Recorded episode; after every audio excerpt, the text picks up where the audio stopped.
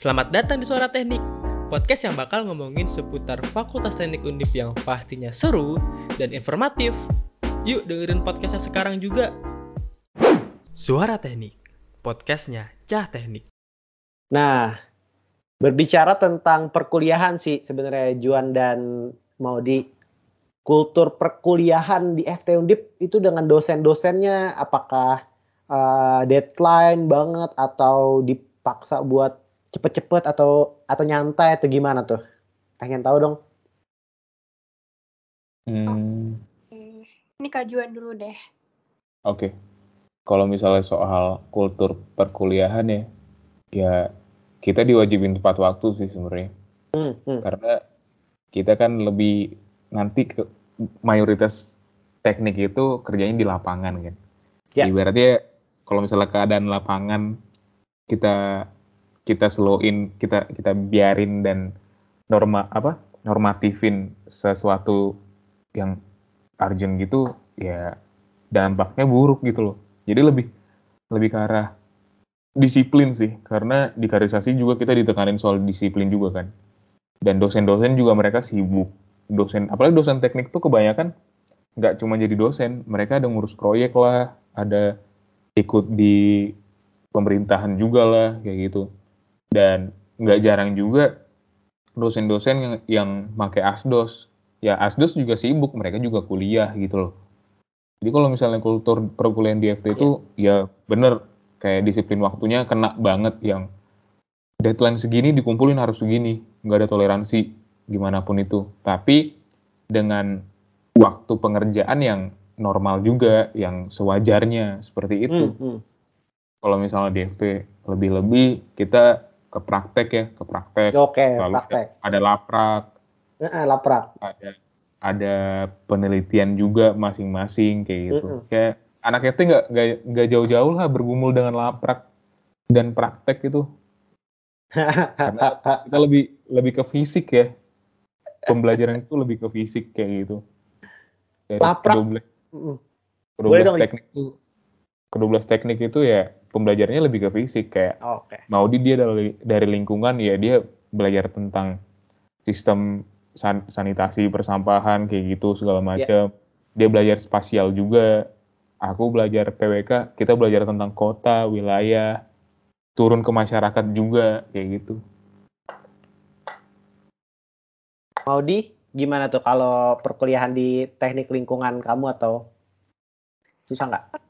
Sama aja sih kak sebenarnya kayak kajuan tuh nggak jauh-jauh dari sana emang laprak ya cuman kan nah, jadi lapraknya itu kita Laprak. eh, dikasih data gitu loh kak nah terus jadi kayak kita dikasih data yang mungkin kalau offline kan kita turun lapangan dulu buat data. eh.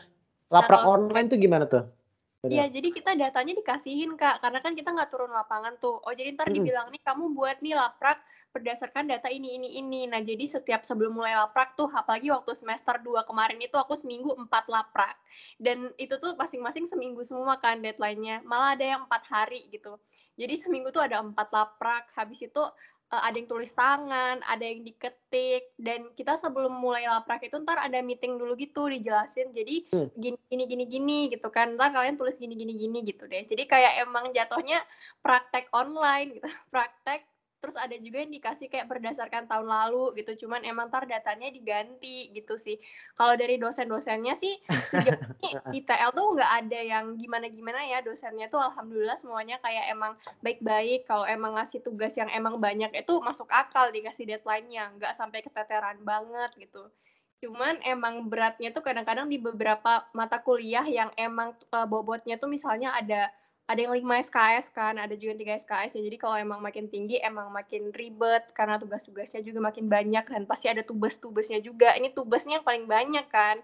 Karena kalau di fakultas lain itu ya, Ya. kan aku kan UDF. Jadi itu kan UKM Unif kan. Jadi aku banyak Iya. punya teman di uh, fakultas lain juga. Terus waktu aku bilang aku izin aku nggak latihan, itu karena aku ada laprak, mereka kayak oh iya laprak terus waktu aku bilang ada tucil ada tubes tuh mereka nggak ngerti eh tucil tuh apa tubes tuh apa karena nggak ada kan di sana gitu Iya, lupa.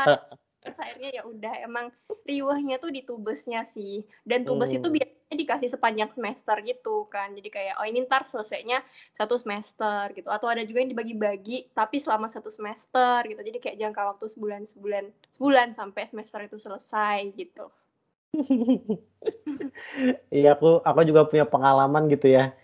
Iya memang kalau di FISIP eh, boleh dibilang nyantai tapi memang deadline juga gitu nyaman jadi tidak tergesa-gesa gitu. Tapi kadang aku juga suka ngeliat temen aku di teknik industri ya angkatan 19 tuh kadang dia eh, deadlineer banget gitu. Dia baru ngerjain hamin 2, hamin 1 lapraknya atau tugasnya jadi kayak ah kayak kehabisan napas gitu loh kayak ngap-ngapan gitu. gitu. Tapi bisa kelar tuh. Tapi bisa kelar. Tapi Bingung bisa banget. kelar tuh. Itu ajaibnya anak FT juga tuh. Deadline tapi ih kelar. Beberapa Emang kali tuh ya. kayak ih kok kelar, kok kelar gitu. Iya bener-bener. Ya Kok kan? kelar ya? ajaib, ajaib. Ajaib banget sumpah. Emang itu harus diapresiasi tuh. Nah, emang kalau ngomongin laprak, eh, mungkin salah satu tantangan ya di perkuliahan FT, di Undip juga gitu loh. Tapi, apakah sih ada nggak perbedaan yang mencolok dari FT dan fakultas-fakultas lain di Undip gitu? Yang ciri khas FT Undip ini gitu? Gimana Oke. nih? Atau atau enggak FT Undip dengan FT luar univ lain gitu? Apa sih FT Undip ini? Hmm, sebenarnya kalau kita bahas dari yang FT Undip sama oh dari FT sama fakultas lain dulu aja kali ya Kak. Ya, Itu ya. Emang kita tuh lebih more practical dan theoretical sih sesuai dengan namanya kan kita engineering gitu. Jadi emang eh, seharusnya tuh sekitar anggap aja 70 atau 80% teori ya te- eh, sorry praktik gitu. Terus teorinya tuh lebih dikit gitu. Karena emang semuanya based on data dan kita juga kalau misalnya nggak turun lapangan kan sebagai engineer tuh bakal barabe kan kalau perbedaan FT Undip sama FT yang lain itu kayaknya dari aku lihat-lihat tuh dari segi eh, ininya ya prestasinya ya yang dihasilin gitu. Jadi yang aku heranin juga nih ya rata-rata orang-orang FT Undip itu OP overpower gitu. Karena kayak walaupun udah kita bahasin kan kayak segimana berat tugasnya dikasih kan ada empat laprak seminggu tapi kita tetap bisa balance gitu sama organisasi yang lain gitu kan sama UKM yang lain kita tetap bisa eh, melakukan aktivitas kita di non akademik gitu untuk bisa melakukan self development misalnya kan. Jadi emang ajaibnya itu walaupun kita sama tugas pun itu capek ya gitu kayak napasnya udah susah gitu. Tapi anehnya kita tetap bisa take care sama urusan kita di luar itu dan tetap bisa berprestasi. Eh, contohnya kayak kakak tingkat kakak tingkat yang kebanyakan nih mawapres dari eh, mawapres undip itu kan mawapres satunya si kak Alfriza ya Afriza ya. Itu tuh kan dari Hmm.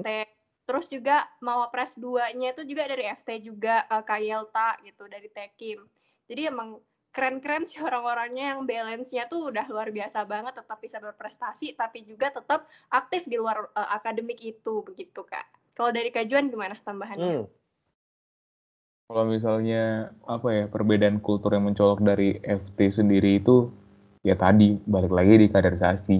Perbedaan Hmm. kita itu paling mencolok ya kekeluargaannya itu yang benar-benar kita nganggapnya di sini hidup sendiri eh, selain dari ini ya orang Semarang asli hidup sendiri ya ya yang tanggung jawab yang saling bahu membahu ya angkatannya sendiri kayak gitu. Kalau kultur yang mencolok di FT itu kayak gitu. Satu lagi ya tadi yang disebutin sama Maudi kultur riset kita dalam hal akademik yang benar-benar eh, risetnya FT itu dikencengin banget dengan ya tau lah lab-labnya banyak banget segala macem terus eh, banyak hal-hal yang dilombain penelitian dosen juga banyak jadi itu sih kulturnya FT yang mencolok dari dari fakultas lain ya sama ya itu orangnya banyak udah iya majemuk banget ya kak Oke. Memang eh, itu yang menjadi keunikan dari FT Undip tersendiri itu ya. Hmm. Kenapa sih eh, mahasiswa baru terutama angkatan 2001 tuh harus bangga menjadi bagian dari FT Undip?